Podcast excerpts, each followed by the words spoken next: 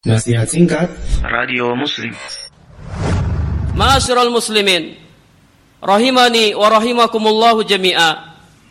Sebagian orang Ada yang berkata Sesungguhnya Doa yang kita panjatkan Sesuatu yang kita minta Jika telah ditakdirkan oleh Allah subhanahu wa ta'ala Maka pasti akan terjadi. Baik kita berdoa maupun kita tidak berdoa. Atau sebaliknya, sesuatu yang kita minta, kalau Allah tidak takdirkan, maka pasti tidak akan terjadi. Baik kita berdoa maupun kita tidak berdoa. Kemudian mereka mengatakan, untuk apa kita berdoa? Untuk apa kita berdoa kepada Allah Subhanahu wa taala? Kalau Segala sesuatu sudah ditakdirkan oleh Allah Subhanahu wa taala. Kalau saya ditakdirkan berhasil, saya ditakdirkan lulus, saya ditakdirkan bahagia, maka pasti saya akan bahagia. Baik saya berdoa ataupun saya tidak berdoa. Jadi untuk apa saya berdoa? Sehingga taroku ad-doa. Mereka meninggalkan doa. Mereka tidak berdoa kepada Allah Subhanahu wa taala dengan beralasan kepada takdir Allah Subhanahu wa taala. Ma'asyiral muslimin, rahimani wa rahimakumullah jami'a. Perkataan ini adalah perkataan yang keliru. Perkataan yang batil. Karena konsekuensi dari perkataan mereka adalah mereka meninggalkan mereka harus meninggalkan segala upaya segala usaha yang mereka lakukan. Kita katakan kepada mereka in kana shiba'u wariyu qad qaddira laka fala budda min wuqu'ihima akalta aw lam ta'kul. Kita katakan kepada kelompok ini Seandainya kenyang dan terbebas dari dahaga, itu sudah ditakdirkan kepadamu. Niscaya hal itu pasti akan terjadi. Baik kamu makan ataupun kamu tidak makan. Atau baik kamu minum ataupun kamu tidak minum. Kita katakan kepada mereka, kalau kamu haus, maka kamu tidak usah minum. Kalau Allah telah mentakdirkan hausmu hilang, insya Allah hausmu akan akan hilang. Gak usah minum. Atau kalau kamu lapar, tidak usah makan. Kalau Allah sudah takdirkan kepada kamu kenyang, maka pasti akan terjadi kenyang. Baik kamu makan maupun kamu tidak makan. Kita katakan juga kepada mereka, jika punya anak sudah Allah takdirkan kepadamu maka pasti kamu punya anak. Baik kamu gauli istrimu ataupun kamu tidak gauli istrimu. Kalau Allah sudah takdirkan, pasti akan punya punya anak. Apakah ada seorang manusia yang berakal yang mengatakan pendapat seperti ini? Ini adalah pendapatnya orang-orang yang jahil, orang-orang yang bodoh terhadap takdir bal haywan. Al bahim mafturun ala mubasaratil asbab. Bahkan hewan-hewan binatang ternak mereka telah diberi naluri oleh Allah Subhanahu wa taala untuk berusaha. Hewan-hewan apabila mereka keluar apabila mereka lapar maka mereka segera keluar mencari makanan. Mereka sudah difitrai untuk berusaha Berbeda dengan mereka. Orang-orang yang berpendapat dengan pendapat ini mereka meninggalkan usaha. Mereka hanya beralasan dengan takdir Allah Subhanahu wa taala. Ini kelompok pertama yang sesat berkaitan dengan doa kepada Allah Subhanahu wa taala.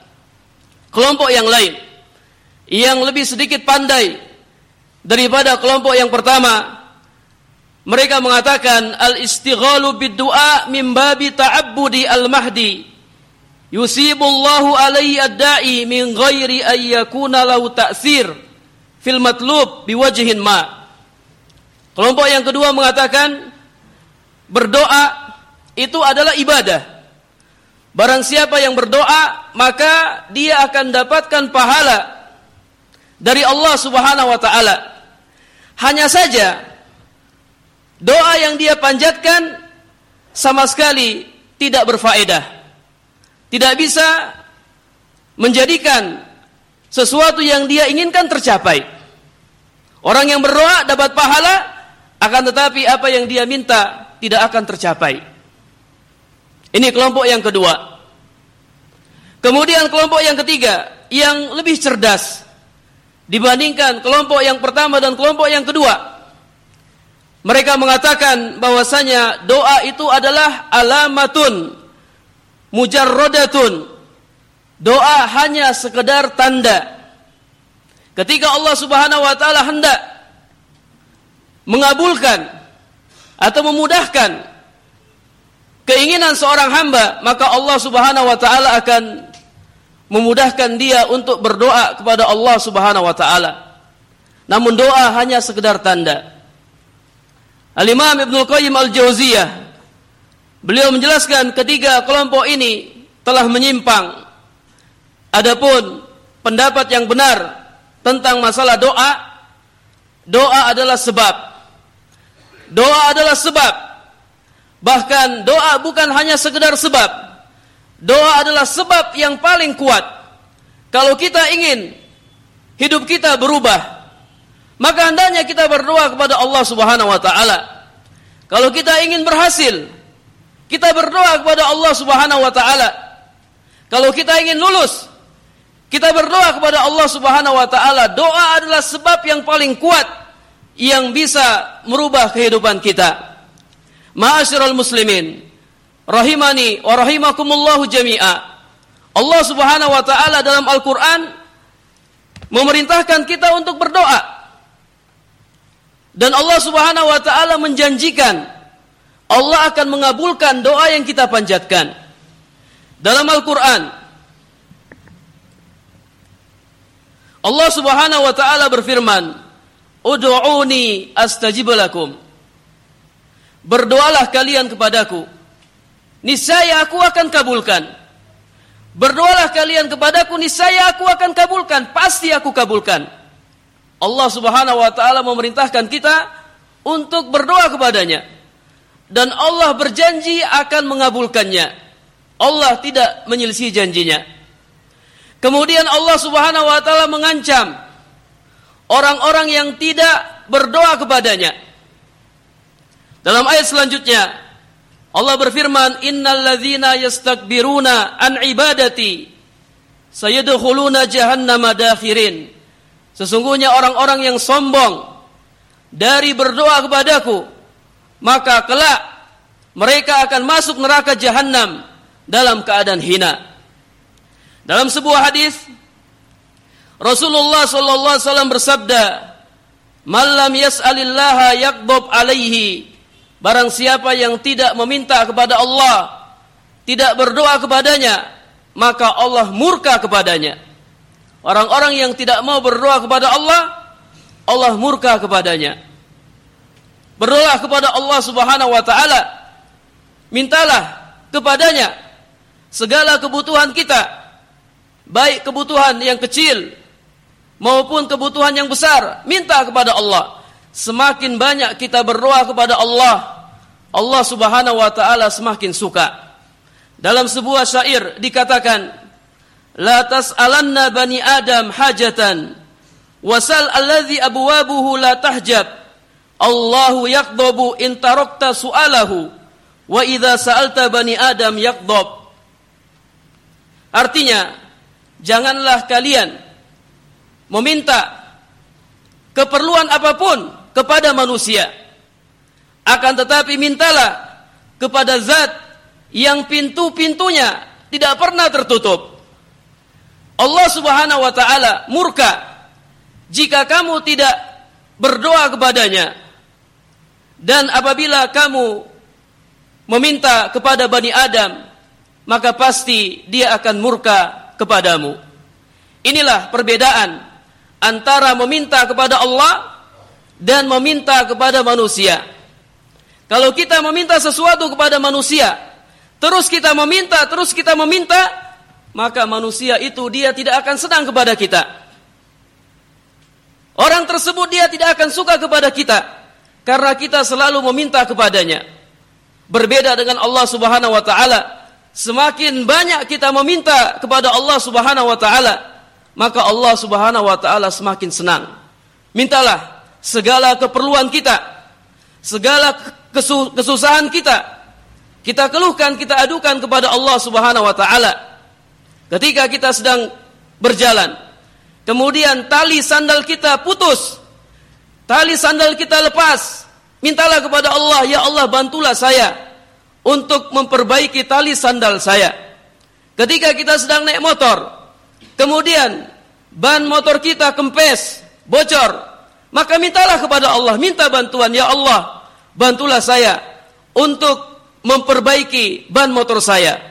Segala sesuatu yang menimpa kita berupa kesusahan, maka minta tolonglah kepada Allah Subhanahu wa taala untuk membantu kita. Semakin banyak kita meminta kepada Allah, maka Allah Subhanahu wa taala akan semakin cinta kepada kita.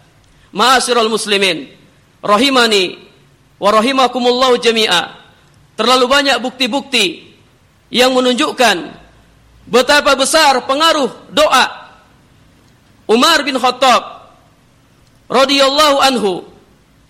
Sebelum masuk Islam beliau dikenal orang yang sangat memusuhi Nabi Muhammad sallallahu alaihi wasallam. Sampai-sampai dalam sebuah riwayat disebutkan Umar bin Khattab bertekad untuk membunuh Nabi sallallahu alaihi wasallam. Beliau sangat benci kepada Nabi. Akan tetapi berkat doa Nabi sallallahu alaihi wasallam ya Allah A'izzal Islam. Muliakanlah Islam ini. Dengan salah seorang dari dua orang yang engkau cintai. Dengan Abu Jahal. Atau dengan Umar bin Khattab. Ternyata Allah subhanahu wa ta'ala lebih mencintai Umar bin Khattab. Sehingga Umar bin Khattab masuk Islam. Lihat bagaimana orang yang sejak awalnya memusuhi Nabi sallallahu alaihi wasallam, membenci ajaran Islam, akan tetapi dengan doa maka berbalik 180 derajat. Setelah Umar bin Khattab masuk Islam maka dia menjadi sahabat yang paling mencintai Nabi sallallahu alaihi wasallam dibandingkan keluarganya dibandingkan hartanya bahkan dibandingkan dirinya sendiri. Inilah pengaruh doa. Kemudian juga telah populer di tengah-tengah kita kisah ibunda Abi Hurairah radhiyallahu anhu, sahabat Abu Hurairah sangat tidak betah apabila berada di dekat ibunya. Karena ibunya selalu mencaci maki Rasulullah sallallahu alaihi wasallam. Ibunya selalu mencela Rasulullah. Kemudian sahabat Abu Hurairah mendatangi Rasulullah, meminta kepada Rasulullah untuk mendoakan agar ibunya masuk Islam. Kemudian Rasulullah sallallahu alaihi wasallam berdoa dan Allah Subhanahu wa taala memberikan hidayah kepada ibunda Abi Hurairah radhiyallahu taala anhu. Doa adalah sebab yang paling kuat. Hendaklah kita berdoa, minta kepada Allah segala permasalahan kita, minta kepada Allah solusinya. Minta kebaikan untuk diri kita, minta kebaikan untuk keluarga kita, minta kebaikan untuk masyarakat kita, bahkan mintalah kebaikan untuk negara kita. Doakan kebaikan buat pemimpin, buat presiden yang sedang memimpin kita. Dahulu para salafun soleh mereka terbiasa mendoakan kebaikan buat pemimpin.